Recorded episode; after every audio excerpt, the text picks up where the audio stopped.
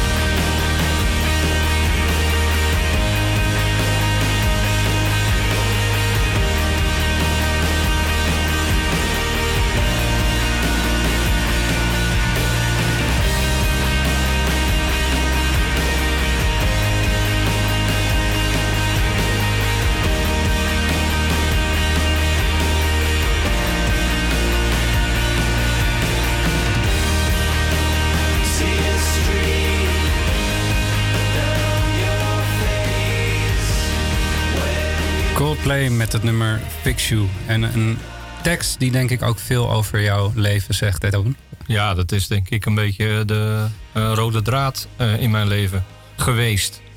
Want eh, ja, het was, ik had toch wel een beetje last van wat ze noemen het reddersyndroom. Waar- waarom dat is, dat, dat wil ik zo van je horen. Dat is goed. Ehm, we beginnen bij het begin. Waar ben je geboren? Wie- Wat deden je ouders? Wie Hey. Ja, ik ben uit de klei getrokken, zoals ze dat zeggen. Ik ben, Ja. ik ben geboren in Nieuw-Vennep. Dat is eh, een plaats eh, in de gemeente Haarlemmermeer. En ik kom uit een gezin van eh, vier mensen. Ik heb nog een zus, Jolanda. En ik kom uit een, ja, een beschermd nest, zoals dat heet. Mijn vader was een hele harde werker. wat, wat deed hij voor werk? hij was jarenlang bouwvakker en vrachtwagenchauffeur. En eh, op die manier zorgde hij voor het gezin. Mhm. En eh, mijn moeder was eh, heel erg beschermend en af en toe ook verstikkend. Daar ben ik inmiddels, doordat ik Howie, de harpopleiding, dat ik die doe, ben ik daar wel achter gekomen dat dat wel een belangrijke rol heeft gespeeld in hoe ik met dingen ben omgegaan in het leven. In de zin dat zij overbezorgd was? Ja. ja. En hoe uit, uitte zich dat? Nou, door overbeschermend te zijn. En eigenlijk, ja, dat is eigenlijk eh, eh, wel bizar als je erover nadenkt. Wij leren op de opleiding Howie de Harp om mensen ruimte te geven om zeg maar zichzelf eh, ja, weer, weer overeind te helpen. hè, Mhm. de zelfregie te pakken. Ja. En precies dat stukje heb ik ja, eigenlijk vroeger niet gehad. Want je, je moeder die pakte, nam het over. Je Ja. leerde daardoor niet. ja, mijn vader ook. Mijn vader ook. Ik bedoel, als bij wijze van spreken mijn band van mijn fiets lek was, eh, dan vertelde ik dat. En eh, ik knipperde met mijn ogen. En mijn vader stond eh, de fiets te repareren. Ja. Ja. Klinkt dat wel als een warm bad? Ja, zeker. Ja. Nou, maar dat is het ook. Ehm, kijk, mijn vader heeft op zijn manier laten zien dat hij liefde aan mij wilde geven.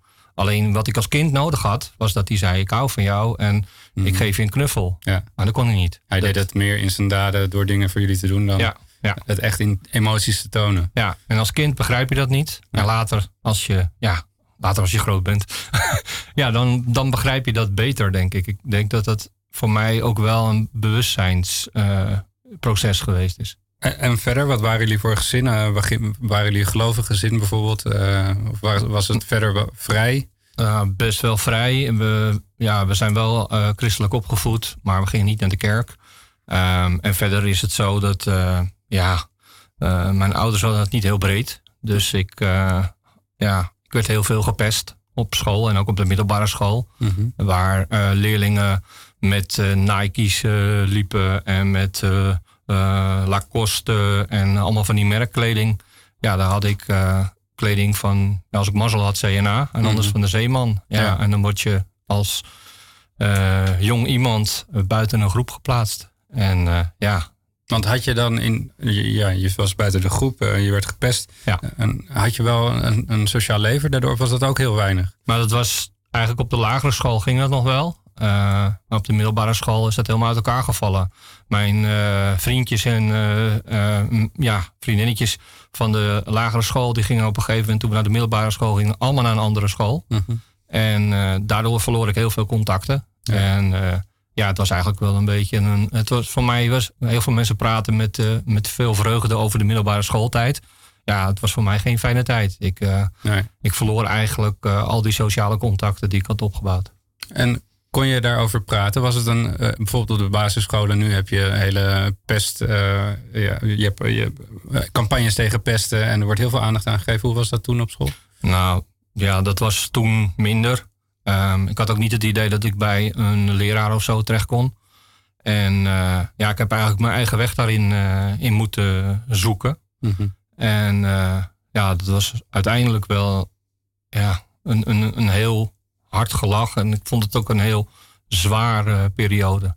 Want je zit ook in zo'n le zo leeftijd dat je aan het ontwikkelen bent als mens. Ja. En ja, als je dan zeg maar stelselmatig gepest wordt. En dat resulteerde erin dat mensen mij opwachten, in elkaar sloegen. ja, best wel heftig. Ja, ja, uit, uitschelden is zeg maar één, maar ook zeg maar fysiek. Fysiek ja. ja. En als je daar zo, we gaan het straks hebben over je donkere gevoelens, je depressies waar je mee hebt gekampt. Ja. Is dit ook echt de aanleiding geweest? Is, is dit waar het mee is begonnen? Als ik nu terugkijk eh, naar waar ik zeg maar rock bottom ben gegaan en ik ga helemaal terug naar oké, wa- waar is het ontstaan? Dan is dit wel de aanleiding geweest. Ik werd eh, stelselmatig gepest op school. Nou, daarbij eh, kreeg ik eh, op een gegeven moment, ik wilde niet meer naar school, want ik vond het niet leuk. En ik was ook heel moe. Mhm. En toen kreeg ik de diagnose ziekte van Pfeiffer. Ja.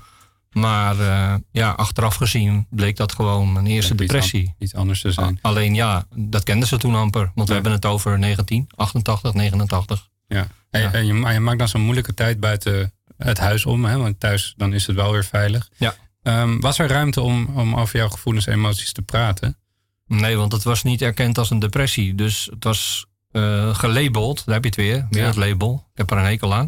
Maar het was gelabeld als zijnde, eh, dit is een ziekte van. Ja. En, eh, Maar ja, kon je bijvoorbeeld tegen je ouders zeggen, ik word gepest, wat, wat moet ik hier nou mee? ja, ja nee, niet echt. Nee, nee. nee. Dat, dat lijkt me dan ook lastig, hè? Ja. Dat, je, dat je dan dat je het allemaal in je eigen hoofd moet gaan verwerken. Ja, nou ja, weet je, ik, ik neem het mijn ouders niet, niet kwalijk of zo. Ik bedoel, zij hebben op hun manier eh, hun best gedaan om mij zo goed mogelijk en beschermd mogelijk op te voeden. Alleen in sommige dingen waren ze dan weer heel extreem, zeg maar, beschermend. Mhm. En ja, hier had ik misschien wel eh, het prettiger gevonden als, eh, ja, eh, kijk, mijn moeder ging wel op, op school praten en zo, maar dat maakte het ook weer erger, weet je wel. Ja. Dus ja, nee, dat is het eigenlijk niet. We gaan naar een nummer wat eh, die tijd vertaalt. Eh, Ja. Een nummer van Maan. Waarom heb je dat nummer gekozen? Ze huilt, maar, maar, sorry, ze huilt, maar ze, lacht. Ja, hem. nou, omdat Maan heel goed be- verwoordt het gevoel wat je op een gegeven moment krijgt. Want je probeert dan zeg maar je groot te houden en je probeert te lachen. Maar diep van binnen ben je gewoon heel erg intens verdrietig. We gaan er naar luisteren. Maan, ze huilt, maar ze lacht.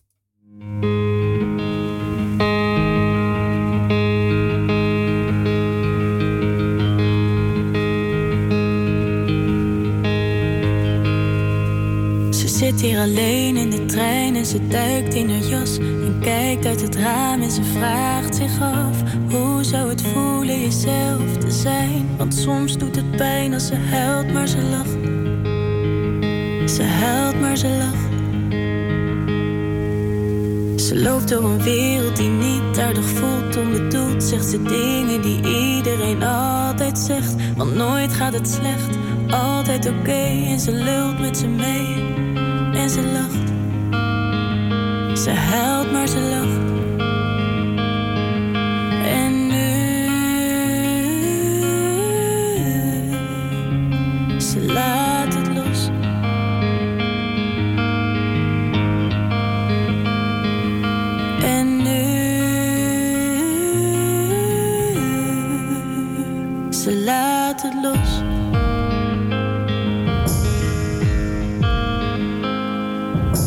Ze voelt zich alleen als ze loopt in de stad en ze kijkt in het raam, ziet een ander er staan en ze weet wie het is, maar ze wil haar niet zijn en gaat door met de schijn.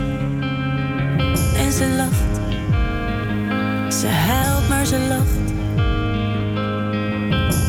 Wat als ze morgen besluit niet te schuilen, haar betere ik voor haar ware gezicht te ruilen? Zullen de vrienden die zij wil vertrouwen nog steeds van haar houden? Als ze huilt, als ze huilt en niet lacht.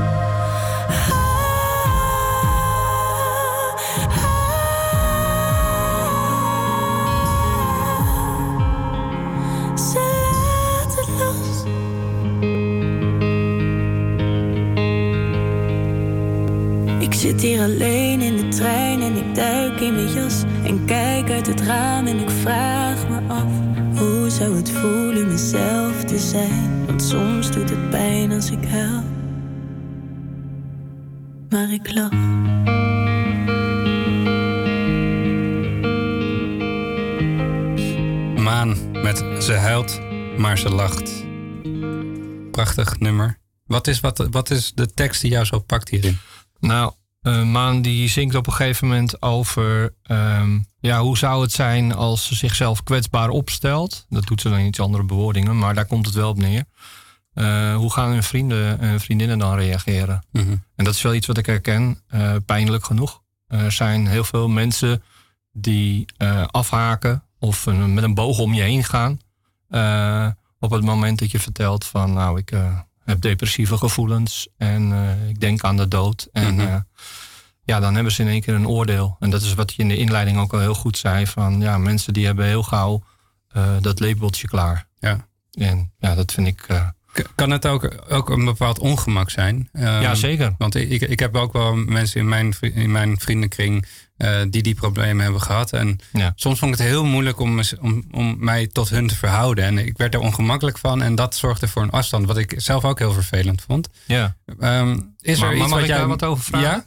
Want eh, als je dat gevoel hebt, dan kun je toch uitspreken. Ja. Dat is voor beide partijen prettig. Ja, Want- dat wilde ik jou vragen. Dat is Oh. de tip, hè? Ja. Ja. ja, weet je, benoem het gewoon. Zeg gewoon tegen iemand van... hé, hey, ik, ik merk gewoon dat ik het heel erg vind... wat er bij jou aan de hand is. En ik heb geen idee hoe ik er woorden aangeef. Ja. En ik zal je een mooi voorbeeld geven. Toen mijn moeder eh, kanker kreeg en eh, heel ziek werd... toen zei mijn moeder op een gegeven moment tegen mij... ik word dubbel gestraft. En toen zei ik, ja, hoezo dan? Mhm. Ja, ze zegt, ik heb die rotziekte. En in het begin is het allemaal nieuwsgierig... en dan komen mensen nog en die lopen de deur plat, bij wijze van spreken. Ja. En in één keer waren ze allemaal weg. En mijn moeder zei van, ik word dubbel gestraft... want mensen die, ja, die vinden het eng... of die zijn bang dat ze, weet ik veel, besmet raakt... of weet ik veel wat. Ja. Maar ja, Benoem het gewoon. ja, benoem het gewoon. Ja, ja. En, en zeg gewoon wat het met je doet. En eh, ja, weet je, het benoemen van gevoelens kan voor twee partijen dan heel prettig werken. Ja. Nou, die, die neem ik mee. Die, die Alsjeblieft. heel erg bedankt alvast. Graag gedaan. Ehm, ik wil eh, terug naar ja, het beginperiode. Want je, werd, eh, je kreeg de diagnose vijver. Ja. Dat was het niet. Dat klopt. Die diagnose kwam voort uit jouw misschien lusteloosheid. Vermoeidheid. Hoe, hoe, hoe gaat dat? Ja, dat, ik, ik was toen, ik vond het niet leuk op school. Ik werd natuurlijk gepest, dus dat is niet een omgeving waar je lekker gedijt. Ja. Ehm, en ja, ik vond, ik vond het allemaal eh, daardoor niet leuk op school. Heb veel gespijbeld. Ehm, ja, ook wel met smoesjes dat ik eh, op een gegeven moment eh, deed alsof ik ziek was. En toen dacht ik, ja, op een gegeven moment kan mijn moeder eh, dat wel doorhebben. Dus toen pakte ik een viltstift. En dan ging ik allemaal st- stippeltjes op mijn arm doen. Alsof ik de waterpokken had en zo. En Ja. ja. zo erg ging dat. Want zo erg had ik een hekel aan die school. Ja. Ik wilde gewoon niet in een omgeving waar ik steeds stelselmatig gepest werd, mij bevinden. Ja. Het resulteerde ook dat je uiteindelijk eh, je diploma niet haalde. Klopt. Ehm, maar ook eh, toch leek het al voor de wind te gaan. eh, ondanks dat. Hè? Je, Mhm. Ja. je, je leerde iemand kennen, je werd verliefd. Ja, Nou, dat was ook alweer een soort inleiding voor het volgende probleem. Klopt dat? Ja, dat klopt.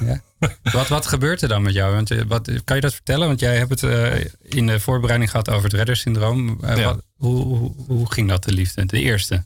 Nou ja, weet je, ehm, ik leerde iemand kennen en eh, ja, ik had het gevoel dat ik, eh, ja, zij, zij gaf mij het gevoel van je bent een echte man en eh, daar kan ik op bouwen. En ze was een stukje ouder dan ik. En ik was tot over mijn oren verliefd. Ehm, ik leerde haar kennen op een, op een telefoonlijn. Je had toen eh babbelboxen en dat soort lijnen, Ja. telefoonlijnen. En nou, ik was helemaal tot op mijn oor, over mijn oren verliefd. Dus ik ben gewoon, ja, dat zou ik nu misschien drie keer eh, over nadenken. Maar ik ben gewoon op een gegeven moment op haar uitnodiging in een trein gestapt van Amsterdam naar Heerlen. Want daar woonde ze. Op een vrijdagavond. Niet wetende wat ik daar aan zou treffen. Nou ja, en toen eh, bleek dat toch allemaal wel te klikken. En eh, was het aanvankelijk ook best, ja, best mooi. Maar ja, ik kwam er al gauw achter dat deze dame ja, een aantal problemen had. Ze had onder andere anorexia nervosa. En eh, ja, ik schoot toen heel erg in de rol van eh, redder. Want ik wilde haar daarvan redden. En eh, ja, het is uiteindelijk eh, toen uitgegaan. En ja, het was, niet het, was toen nog niet klaar met het reddersyndroom. Nee, want wat, wat kan jij nu benoemen wat dat onderliggende, wat dat onderliggende ehm, ja, misschien probleem is, je- waarom jij dat gevoel hebt dat je mensen moet redden? Was dat misschien omdat je van je eigen problemen weg wilde gaan? Of is dat Ah, zeker, dat Ja. heeft zeker meegespeeld. En eh, wat ik nu weet, wat ik zeker ook geleerd heb in een hele belangrijke les op Howie de Harp.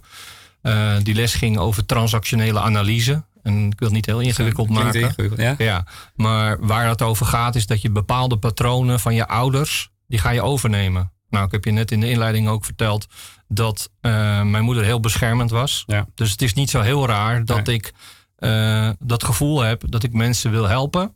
Maar bij mij sloeg het zo ver door dat ik zelfs eh, mezelf wegcijferde. Ja. En ook niet naar mezelf ging kijken, maar wel naar de ander. En het was heel vaak zo dat ik dan via de babbelbox, eh, hè, dat is een beetje vergelijkbaar met wat er nu een chatbox is. Mhm. Maar ja, in mijn tijd, ik ben 50, had je nog niet internet. Dus ja, dat kun je misschien moeilijk voorstellen.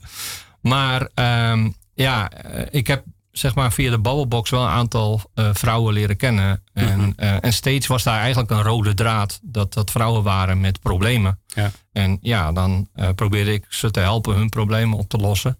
En ja, alles lost op, ook de, ook de relatie. Mhm.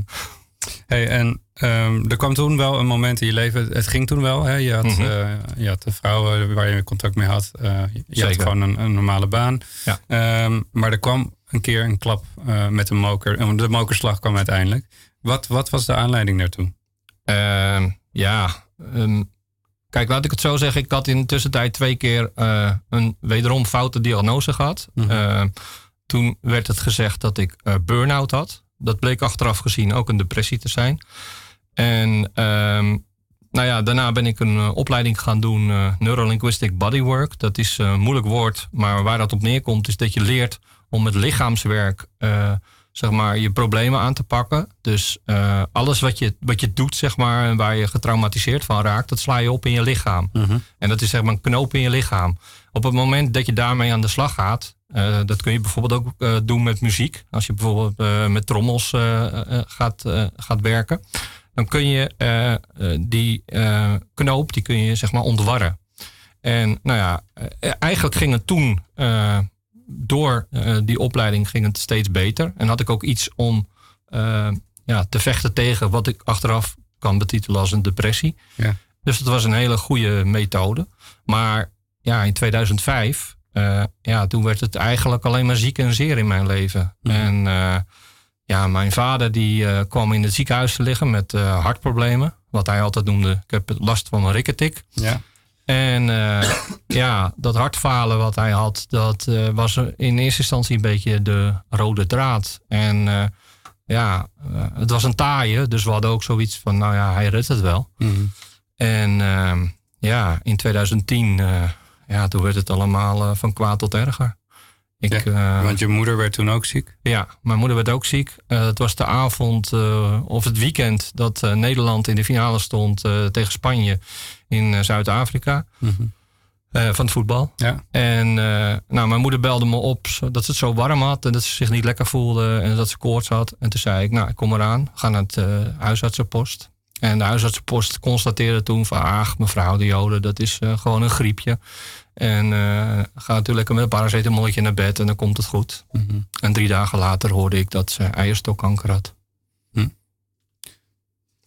En dat was. En, en hoe snel is het toen gegaan? Ja, eh, nou ja, ze heeft uiteindelijk nog vier jaar geleefd. De doktoren hadden gezegd dat ze anderhalf jaar zou redden. Ja. En eh, het werd uiteindelijk vier jaar. Eh, ik weet nog heel goed dat mijn moeder dat net te horen had gekregen. Mhm. En toen zei ze, ik wil graag mijn kleinkinderen, de, de eh, dochters van mijn zus, wil ik zien opgroeien.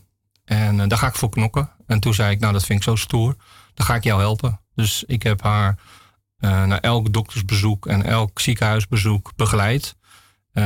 Heb dat heel, van heel dichtbij meegemaakt. Ja. En ja, dat was ook wel een hele bijzondere ervaring. Want het is ook heel dankbaar als ik er nu op terug kan kijken. Dat ik gewoon heel veel dingen nog met haar heb kunnen bespreken. Mhm. Ja. En uiteindelijk uh, stierf zij. Hè? Ja. En uh, toen kwam er ook echt een, een groot zwart gat in jouw leven. Ja, het was uh, in 2014 uh, dodenherdenking. Dus ook nog een dag waar, dat heeft ze volgens mij expres gedaan. Ja. ja. ook nog zo'n dag waarop je altijd al stilstaat uh, en, en de, de doden herdenkt van de oorlog natuurlijk. Ja. De gevallenen. Ehm, ja, uh, toen is zij uh, overleden in de hospice. En ehm, ja, ehm, toen hebben we haar een week daarna hebben we haar begraven. En toen de dag na de begrafenis werd ik gebeld dat mijn vader gevallen was uit zijn stoel. En uh, nou ja, dus ik uh, chase in de auto uh, naar zijn woning. En ik zie hem op de grond liggen. En ja, het, hij was met zijn hoofd tegen de muur gekomen. Het bloed dat zijpelde van zijn voorhoofd. En hij lag te huilen. En hij zei, ik wil naar huis, ik wil naar mama. Ja, en toen wist ik wel hoe laat het was. ik ben naar mijn zus toegegaan s'avonds. En mijn vader is opgenomen in het ziekenhuis toen. Mm -hmm ben naar mijn zus gegaan. En toen heb ik gezegd tegen haar van... Uh, hou er maar rekening mee dat papa er gaan we achteraan gaan. Want dit gaat hij nooit redden in zijn eentje. Nee. Nou ja, en twintig dagen daarna is hij ook overleden. En uh, ja, dat was een grote klap voor mij. Omdat ik dat niet zag aankomen. Mhm. Hij had uh, ver uitgezaaide botkanker. En dat heb ik één dag voor zijn dood pas gehoord. Zo. Dus hij heeft dat echt stilgehouden. Hij wilde dat niet... ja, hij wilde niet de aandacht van mijn moeder afleiden. Nee. Dus hij vond het belangrijk dat zijn geliefde uh, in het zonnetje bleef staan. En uh, ja, hij cijferde zichzelf weg. weg. Ja. Ja. Ja, en dan, dan is er ineens in een maand tijd raak je dus bij de, bij de ouders kwijt. Ja, en in, uh, in vier maanden tijd ben ik zes dierbaren verloren. Echt waar? Ja. Ook de, daarna nog? Ja. ja. ja. En toen ben ik dus echt in een, ja, in een rouwproces gekomen. En ik denk dat dat ook wel de aanleiding is geweest naar uh, zeg maar mijn zware uh, depressie. Ja. Want ik denk dat daar toen al, ja, zeg maar, dat, dat sluimerde al. Ja. ja. En die zware depressie, Mhm. um, hoe, hoe zag die eruit? Uh, jeetje.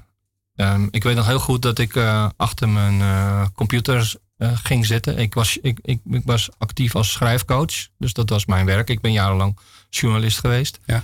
En ik zat achter mijn, achter mijn laptop. En ik wilde een artikel gaan schrijven, geloof ik. Of een programma gaan maken.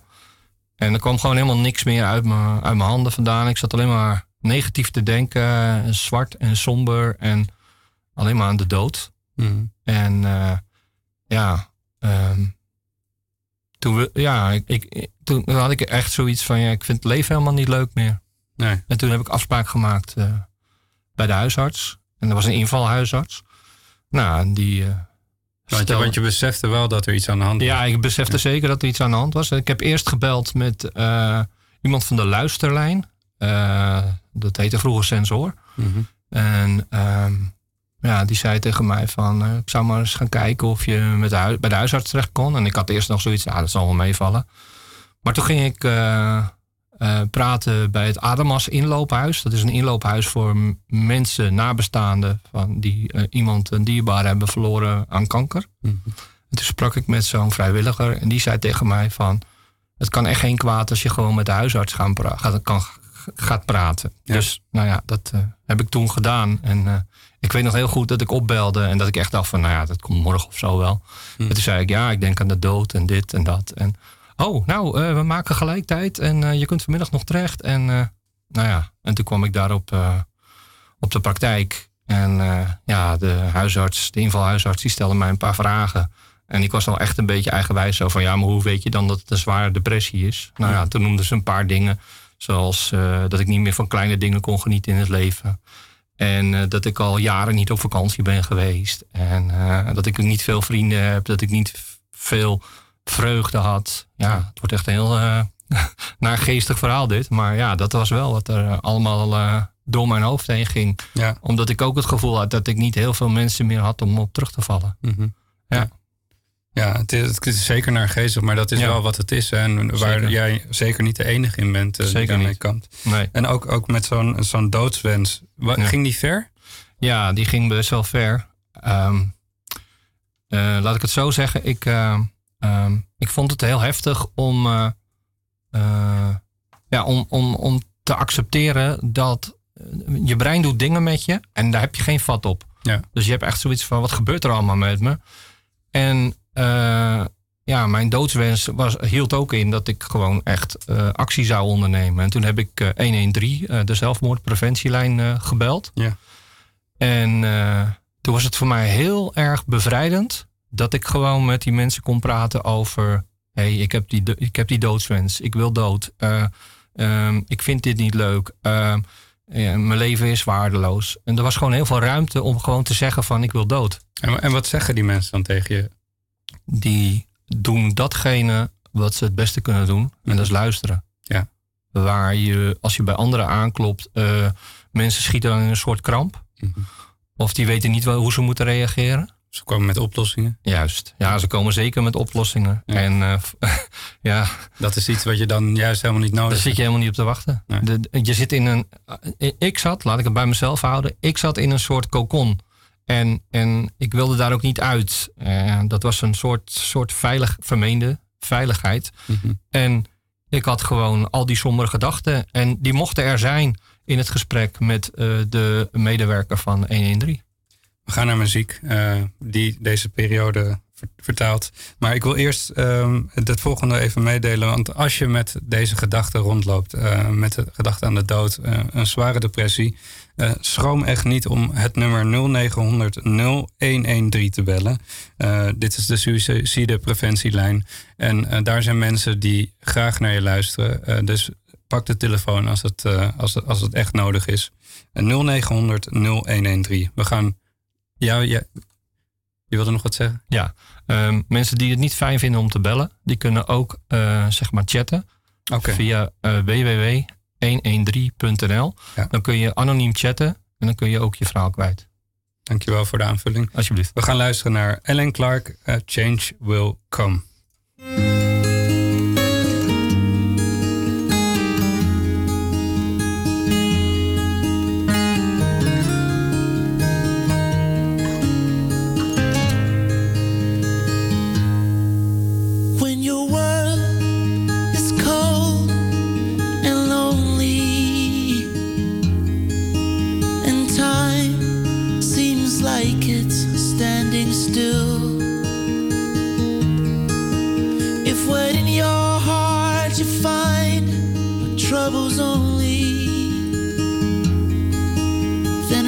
Remember it won't always be uphill.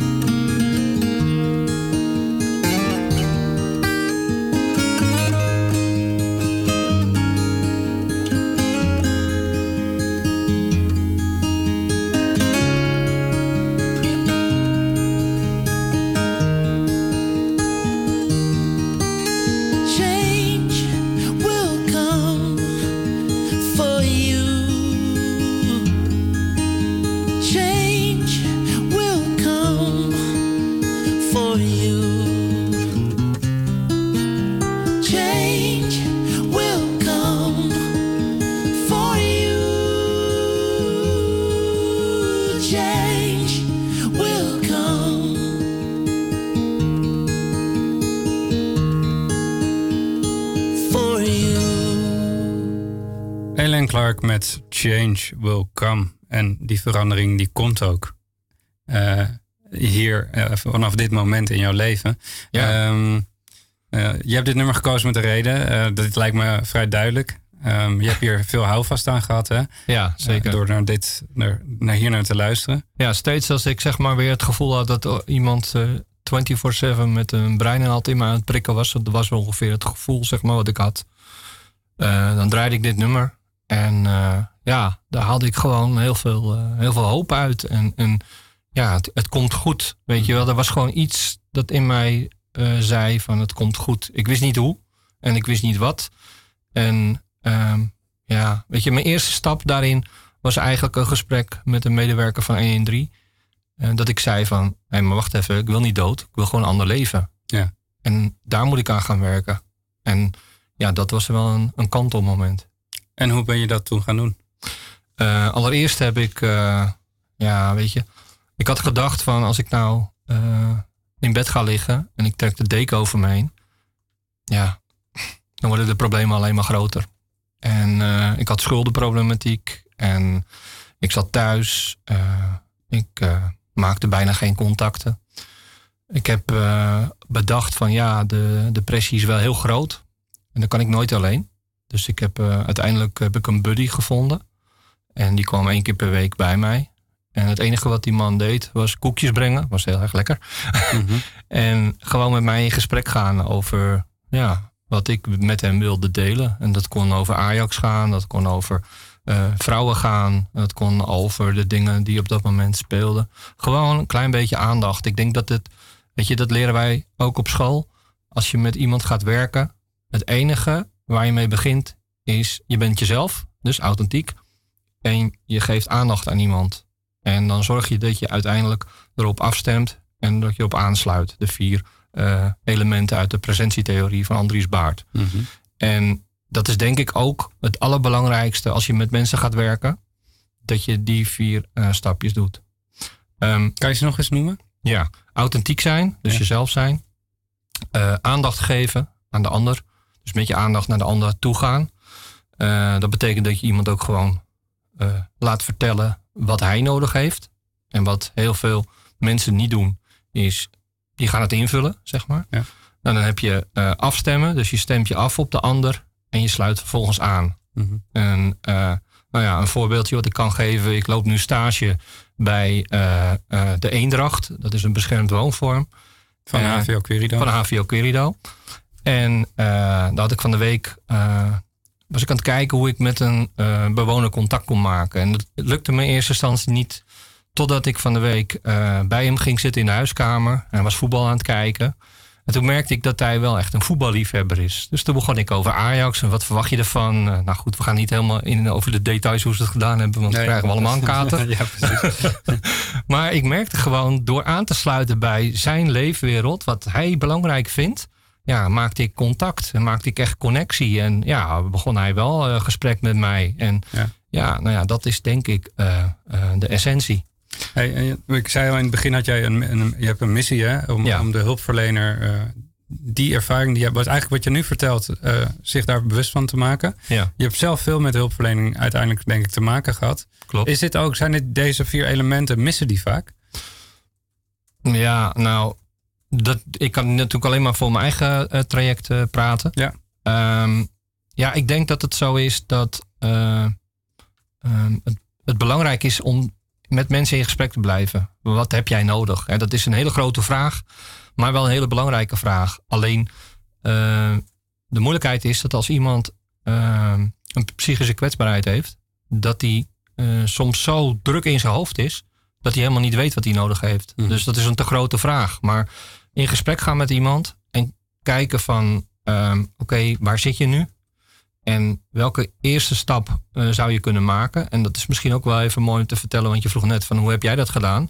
Nou, ik heb dat, ik heb sowieso de laatste depressieperiode heb ik buiten mijn buddy en de dominee waar ik veel aan had, heb ik hoofdzakelijk zelf gedaan. Dus ik heb aan mijn eigen herstel gewerkt door kleine stapjes te doen. En dat noemde ik de Rons regel van drie.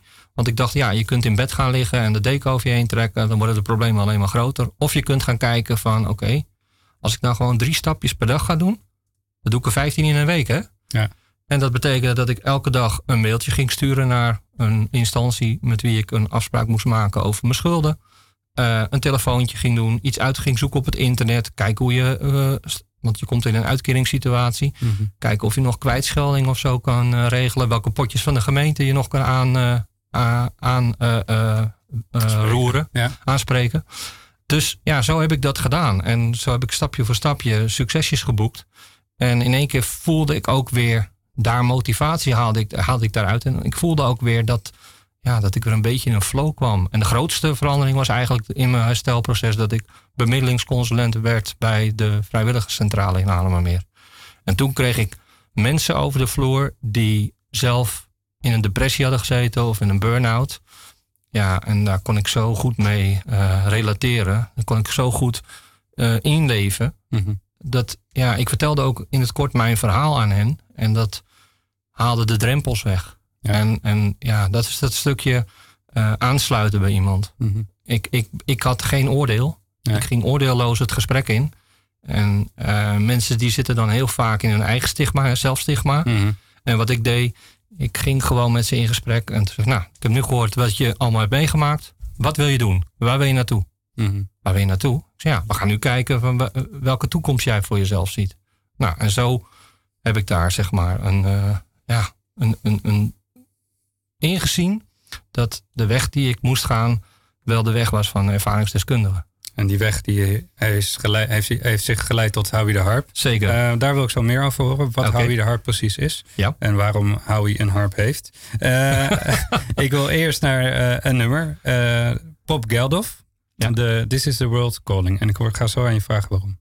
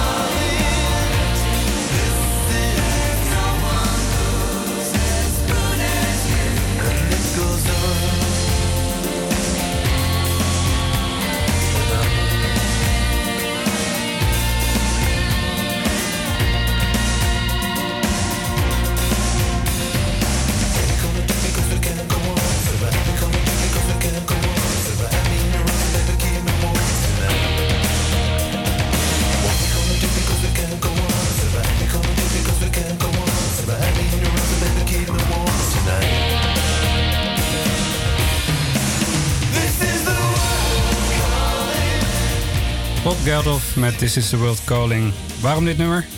Eh, nou, Dit is eigenlijk eh, het nummer dat ik speelde op mijn eh, iPhone toen ik, ja, toen ik naar Howie de Harp ging. Ja, ik had eerst een informatiemiddag bijgewoond en nou, toen dacht ik, ja, dit is wel precies wat ik wil gaan doen. Ik was op zoek naar een opleiding voor ervaringsdeskundigen. En nou ja, ik denk ik ga gewoon een keer kijken bij de informatiemiddag. En toen heb ik me meteen aangemeld voor een workshopronde, want dan word je beoordeeld. En eh, het laatste stapje in het proces eh, voor de toelating is dat je een toelatingsgesprek krijgt. En op weg naar het toelatingsgesprek eh, op het hoofdkantoor van HVO Querido. Ja, toen draaide ik dit nummer. En toen dacht ik, ja, this is the world calling. Ik bedoel, de wereld roept erom dat ik dit mag gaan doen. En dat was eigenlijk een hele mooie, ja, geruststellende gedachte. Het past, het past gewoon, weet je wel. En eh, ja, het is een... eh, Want waarom, wat is Howie de Harp? Howie de mensen die Harp. het niet kennen. Ja. Ja, jeetje, Howie de Harp is eh, een, een, een, het heet officieel herstelondersteunend eh, onderwijs. Ehm, wat, waar het op neerkomt is dat de mensen die een psychische kwetsbaarheid hebben meegemaakt of eh, verslavingsproblematiek, die dus echt eh, ervaringskennis hebben opgedaan, die gaan eh, leren om die ervaringskennis in te zetten om andere mensen bij te staan. Ik vind helpen altijd een heel groot woord, maar bij te staan. Dus Ja. present te zijn, waar ik het net over had. En eh, ja, wat is Howie de Harp ook? Het is een, een achtbaan van emoties. Eh, je werkt heel erg aan je eigen proces, zowel als, eh, als, als, als persoon, maar ook als professional. Dus eh, als je wil gaan werken in het werkveld, is het belangrijk dat je weet hoe je zelf in elkaar zit. Want als je dat niet hebt, dan ehm, ja, eh, weet je niet hoe je gaat reageren op het moment dat je met een, eh, een bewoner, eh, dat hij bijvoorbeeld boos wordt. Als jij dan niet weet van, oh hij triggert mij, ja, dan kan dat natuurlijk escaleren. Ja. Dus we zijn de opleiding begonnen met twee uitgebreide modules over jij, de ervaringsdeskundige. Dus ja, wie ben jij eigenlijk? En waar zitten jouw triggers? En heb je nog patronen waardoor je op een bepaalde manier reageert? Nou, die had ik wel hoor. Ik Ja, bedoel- want waar zitten jouw trigger, triggers? ik wist dat je die ging vragen. Nou, ik, ik, ik kon nog wel heel erg vanuit de, de drammende dreumes eh, reageren. Dus heel erg passief-agressief. In plaats van dat ik me openstelde om te kijken van wat is er nou werkelijk aan de hand. Zat er echt iets van vroeger nog van ah, dat, hij wil me pesten. Weet je wel, dat zit gewoon zo diep. Ja, en dat werd dus op bepaalde manieren getriggerd. Ook door klasgenoten. Want als je nou hebt over Howie de Harp, dan noem ik dat altijd de spiegelzaal. En er zijn heel veel spiegels die zijn leuk om in te kijken. Maar ook heel veel spiegels doen echt zeer. Maar dat is wel de confrontatie met jezelf. En dat is wel het moment waarop je gaat groeien. Ja. En nu loop je stage bij eh, een, de Eendracht, De eendracht. Ja. eh, een afdeling van HVO Querido. Wat voor Klopt. afdeling is dat? Het is een beschermde woonvorm. En daar zitten eh, circa 36 eh, bewoners met diverse problematiek. Maar voor mij zijn het allemaal bewoners die... ja, weet je... Het is heel mooi om te zien dat die mensen... die hebben een klap gehad van het leven. Mhm. En op hun manier doen ze hun best om weer overeind te komen. En daar, ik vind het heel erg fijn en ik ben er heel dankbaar voor dat ik daar een, een rol in kan spelen. Een heel kleine rol, maar ja, als ik zie dat een bewoner een, een succesje boekt, en dat kan zijn eh, dat hij zelfstandig boodschappen gaat doen of hij gaat zelfstandig koken. Het hoeft niet iets heel groots te zijn, hè? Nee. Maar voor hem is dat dan, of voor haar. Maar heb je Ron Is dat- stappenplan al geïntroduceerd? Nee, nog niet. dat is goed. is Die, een die, goeie, die toch? neem ik mee. Ja, zeker. Ja, Hey, eh, we zijn al een beetje aan het einde van de uitzending. En ik wil je er eigenlijk nog meer over vragen. Zoals altijd eh, hebben we Ja. daar te weinig tijd voor. En we, maar we hebben nog wel tijd eh, voor onze woordkunstenaar. Dat is Jori Hoefsmit. Die heeft geluisterd naar de uitzending. En die gaat het op zijn wijze op een mooie manier samenvatten. Ron, ehm, wat een fantastisch, mooi gebracht verhaal. Heel diep, heel veel meegemaakt. Ehm, ik ben gewoon een eh, hele fijne vent. dankjewel. Eén missie. Eén taak. Van donker naar licht. Licht. Van onderwerpen aan onderwerpen uit de diepte.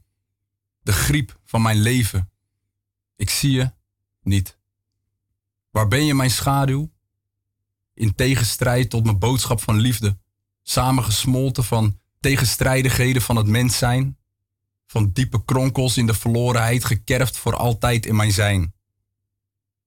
toch voel ik zachtheid. In de muziek wanneer de maan schijnt. Even in mezelf rustig, soms doet het pijn als ik lach.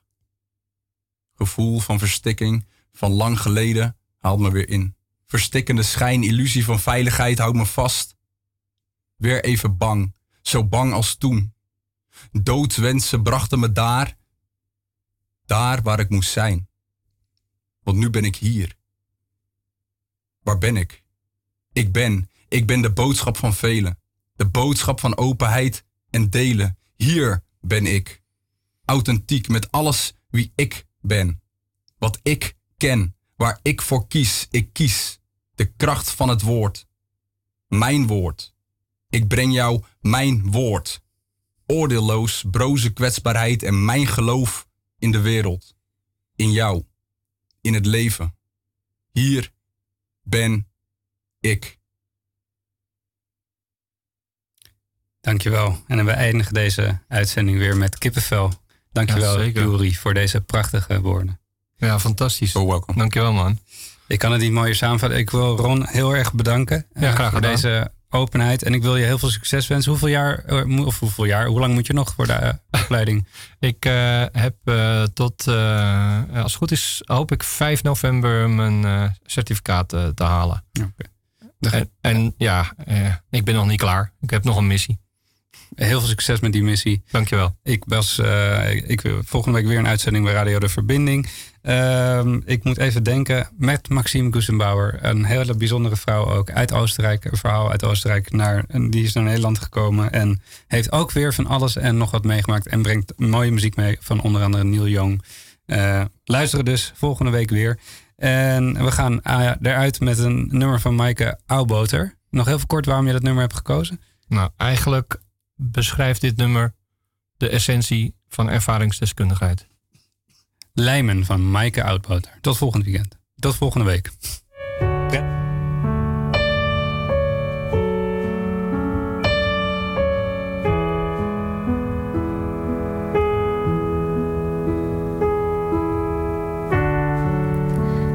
Omver, stuur me tegenzin de kou maar in.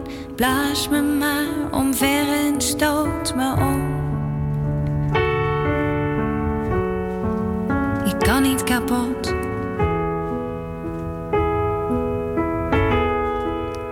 Kijk me niet aan, maar kijk dwars door me heen. Laat me verloren, laat me alleen.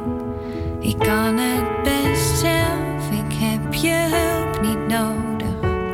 Het is een lief, maar overbodig, vast heel goed bedoeld gebaar.